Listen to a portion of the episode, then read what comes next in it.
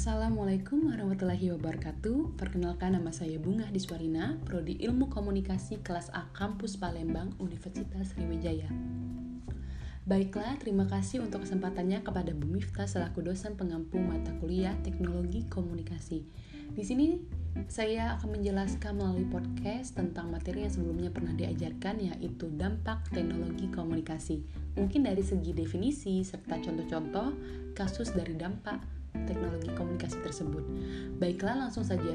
Di sini uh, menurut saya teknologi komunikasi itu seperti perangkat keras dalam sesuatu yang mendukung nilai-nilai sosialnya berupa benda seperti televisi, handphone, dan komputer yang di mana sebagai wadah penyambungnya maka dari sini ada pun pengaruh globalisasi misalkan yang membawa pengaruh budaya luar yang sering kali tidak kembali pada prinsip bahwa komunikasi sebagai basic sosial prosesnya.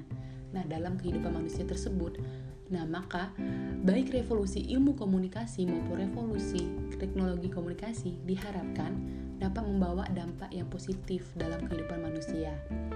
Baiklah, dampak dari perkembangan teknologi komunikasi yang di mana dampak itu merupakan suatu pengaruh yang kuat mendatangkan akibat baik hal itu positif maupun negatif. Sebelumnya, dari perkembangan teknologi komunikasi ini belum canggih dengan yang sekarang karena sebelumnya dulu itu manusia melakukan aktivitas dengan secara berinteraksi secara langsung aktivitas dari pekerjaan aktivitas dari belajar ataupun hal-hal yang lain. Nah, dan sekarang tuh lebih memadai karena adanya aplikasi yang berkembang pesat seperti aplikasi Grab, Gojek, aplikasi belanja online ataupun uh, aplikasi yang memadai dalam belajar mengajar. Karena hal yang dilakukan ini tuh lebih fleksibel. Nah, maka dari itulah teknologi komunikasi itu sangat berperan penting di kehidupan manusia. Tetapi mungkin dari teknologi ini bisa mendatangkan uh, dampak positif bagi manusia, tetapi aspek-aspek dari manusia itu adanya pergaulan sosial yang bisa menghilangkan karena sekarang semuanya itu dilakukan secara online, tidak bisa menghargai. Dalam artian tuh pertemuan uh, yang biasanya kita kalau mau berbicara harus ketemu atau apa. Nah, mungkin dari segi teknologi ini kita sudah melalui chat uh, via chat atau via telepon itu sudah cukup. Uh, makanya dari sini uh, pengaruh dari dampak teknologi komunikasi itu suatu hal yang kuat karena bisa mengakibatkan dampak negatifnya mungkin. Nah, dari perkembangan teknologi yang sudah berkembang pesat di kalangan manusia ini, dampak yang muncul mungkin akan lebih banyak. Nah, namun seperti di uh, cyberspace misalkan dari menciptakan kebudayaan digital, kemajuan teknologi juga turut memajukan informasi. Nah, informasi bisa didapatkan dari teman, keluarga, media cetak maupun media elektronik. Apalagi pada era yang modern saat ini, banyak masyarakat luas yang sudah menggunakan media baru yaitu seperti sarana media internet. Nah, mungkin dari definisi teknologi komunikasi ini itu bisa mencakup secara luas dalam hal uh, berkembang pesatnya komunikasi. Baiklah, uh, teknologi juga sebenarnya banyak kelebihannya loh, bisa menguntungkan manusia. Nah, teknologi itu mempunyai beberapa dampak positifnya, yaitu satu teknologi syarat nilai. Nah, di sini teknologi syarat nilai itu punya beberapa, yaitu ada pertama tidak ada negara yang berhak berkuasa untuk kemajuan teknologi. Nah, dalam artian teknologi komunikasi itu menyebar luas ke segala bidang, ke segala aspek kehidupan manusia. Jadi, sekuat apa pun komun, uh, manusia itu menolak untuk perkembangan teknologi, itu akan tetap terpengaruhi. Nah, dalam artian kita di sini tidak bisa menutup diri dari pengaruh globalisasi yang jelas mengarah ke arus teknologi komunikasi tersebut. Nah, karena kita sekarang sudah berada di kehidupan era globalisasi yang di mana saling berkaitan dengan ketergantungannya teknologi komunikasi. Kedua, teknologi berkembang sangat cepat melampaui batas kesadaran manusia yang tanpa disadari oleh manusia tersebut. Kemungkinan manusia itu berpikir dalam waktu yang standar, sedangkan teknologi sendiri berkembang pesat dan cepat menyebar luas. Bahkan perkembangan teknologi itu tidak bisa diprediksi sebelumnya. Ketiga, adanya pasif dan aktif dalam menggunakan teknologi komunikasi. Nah, di sini yang di mana terhadap perkembangan teknologi manusia itu dihadapi dengan dua pilihan dalam menerima teknologi itu bisa berupa pasif ataupun aktif. Nah, jika dalam hal pasif ini lebih cenderung tidak menuruti kemau, uh, kemauan teknologi, tetapi bisa dikelompokkan dikategorikan pasif ini secara tidak langsung menolak teknologi Sedangkan yang aktif mencoba memaknai bahwa teknologi itu diartikan atau diterjemahkan dan diinterpretasikan dalam kehidupan sehari-hari. Nah, maka mereka yang masuk dalam kategori ini akan memahami dampak perkembangan teknologi komunikasi tersebut dan mempersiapkan strategi tertentu untuk mengantisipasinya. Keempat, perkembangan teknologi ini manusia tuh harus mempunyai rasa keterbukaan agar kita dengan mudah bisa menyesuaikan diri dengan perkembangan teknologi tersebut. Nah, pada dasarnya teknologi itu memang penting bagi kehidupan walaupun ada dampaknya. Manusia tidak bisa menyalahkan teknologi. Karena yang di mana mengapa teknologi itu berkembang dan karena hal ini juga manusia harus siap menerima dampak negatif ataupun positifnya dari resiko penggunaan teknologi tersebut. Nah, kelima, teknologi itu tidak dapat dibeli. Maksudnya tuh uh, seseorang ataupun lembaga atau instansi atau perusahaan negara yang sudah membeli teknologi tidak secara langsung memahaminya.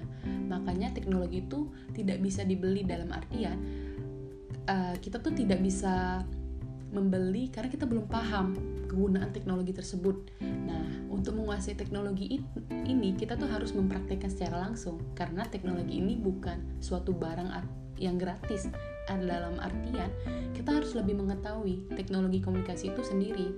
Nah, keenam uh, masyarakat maju karena teknologi. Nah, dalam sini di dalam artian ini di mana teknologi itu uh, kemajuannya sekarang tuh karena masyarakat uh, mudah terpengaruhi adanya teknologi yang berkembang. Bahkan teknologi ini saling berkaitan satu sama lain. Seperti membuat suatu sistem yang artinya ketika rusaknya satelit itu akan mempengaruhi distribusi informasi seluruh dunia.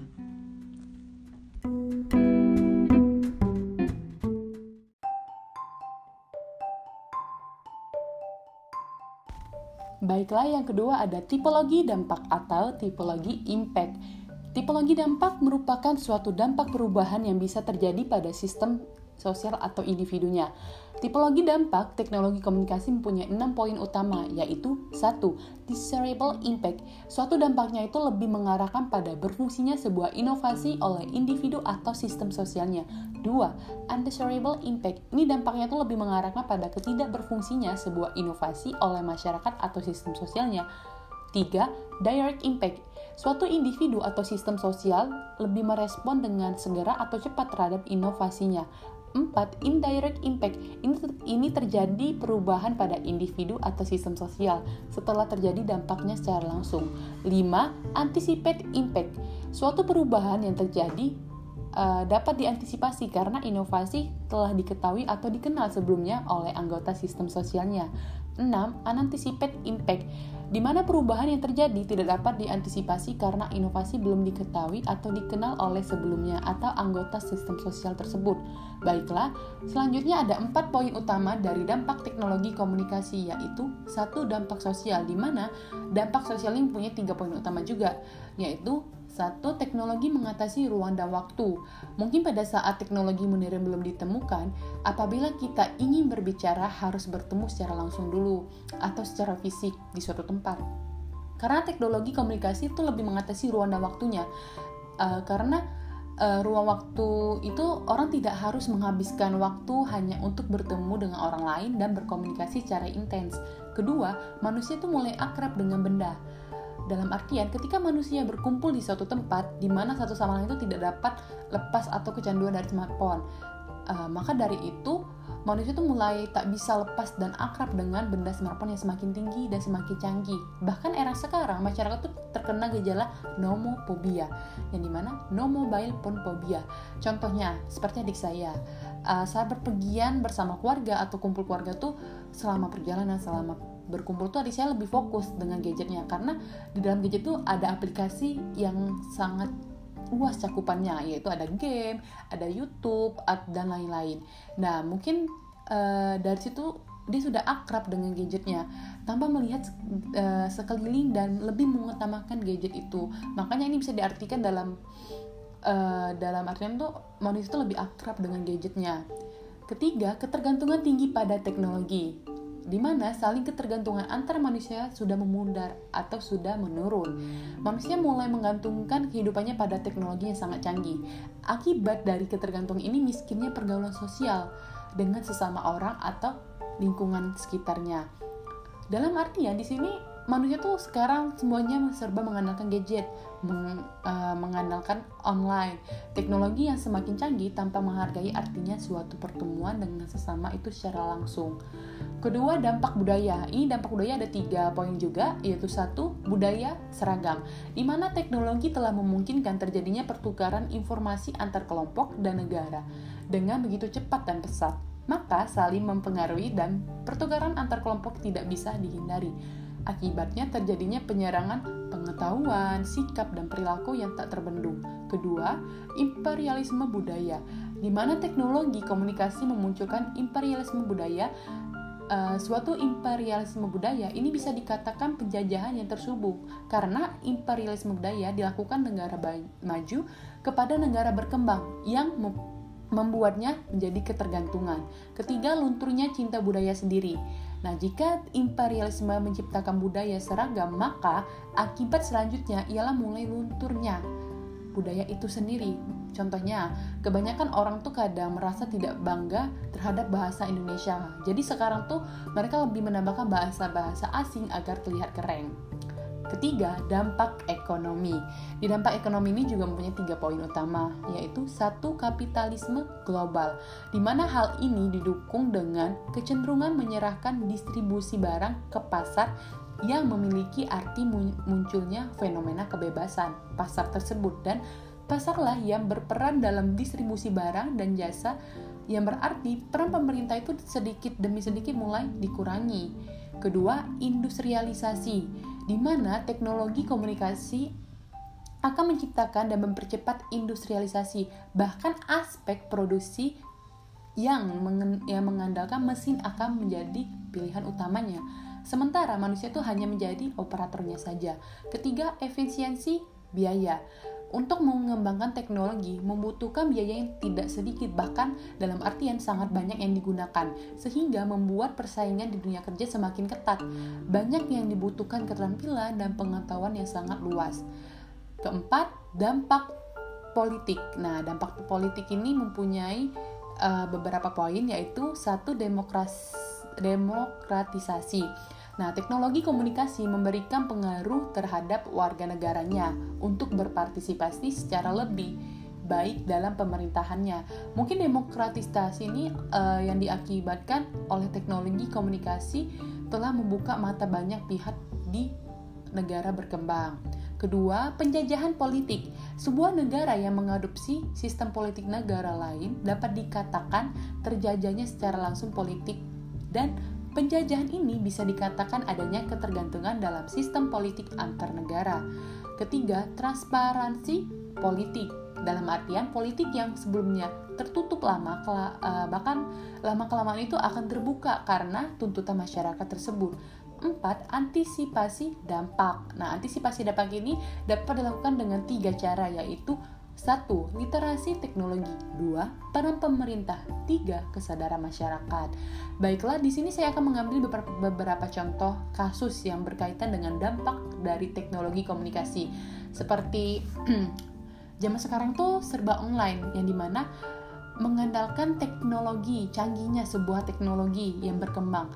Nah, tetapi dari online inilah banyaknya dampak-dampak negatif yang terjadi seperti adanya suatu perusahaan atau pembis yang mendaftar menjual atau menggunakan nama domain dengan maksud mengambil keuntungan dari merek dagang tersebut atau nama orang lain. Umumnya, ini tuh lebih mengacu pada praktek membeli nama atau domain yang menggunakan nama-nama bisnis yang sudah ada atau sudah tertera. Bahkan nama orang itu sudah terkenal, maksudnya untuk menjual nama untuk mengam, uh, untuk mengambil keuntungan tuh bagi bisnis mereka saja. Nah, baiklah, uh, saya juga mengambil kasus tuh dari Carlos Slim. Uh, orang terkaya di dunia itu pun kurang sigap dalam bisnisnya karena dalam mengelola brandingnya di internet sampai domain tersebut uh, itu diambil oleh orang lain. Beruntung kasusnya tuh bisa digolongkan uh, Skyber Squad dalam artian sehingga domain uh, Carlos Slim ini bisa diambil alih. Modusnya memperdagangkan popularitas perusahaan dari keyword Carlos Slim dengan cara menjual iklan Google kepada para pesaingnya Nah, penyel uh, eh, penyelesaian kasus ini adalah dengan menggunakan prosedur anti uh, anti burst quoting atau customer protection atau ACPA yang memberikan hak untuk pemilik merek dagang untuk menuntut sebuah cyber squatting di pengadilan federal dan mentransfer nama domain kembali kepada pemilik merek dagang tersebut. Maka dari itu, sebuah perkembangan tuh pastilah membawa dampak besar bagi sekitarnya tidak mungkin sebuah perubahan itu tidak menyeret hal yang berkaitan lainnya. Mungkin sama seperti perkembangan komunikasi dan informasi, seluruh komponen baik politik, sosial, ekonomi ikut mengalami perubahan seiring dengan adanya revolusi komunikasi. Tetapi kita sebagai masyarakat haruslah pandai dalam mengelolanya agar tidak terjadi hal-hal yang fatal. Nah, mungkin inilah uh, penjelasan tentang teknologi komunikasi uh, yang bisa saya sampaikan melalui podcast ini dan dari saya juga mengenai dampak teknologi, komunikasi itu. Semoga bisa diterima oleh teman-teman sekalian yang mendengarkan serta kepada Bu Miftah selaku dosen pengampu mata kuliah teknologi komunikasi. Baiklah, sekian terima kasih. Wassalamualaikum warahmatullahi wabarakatuh.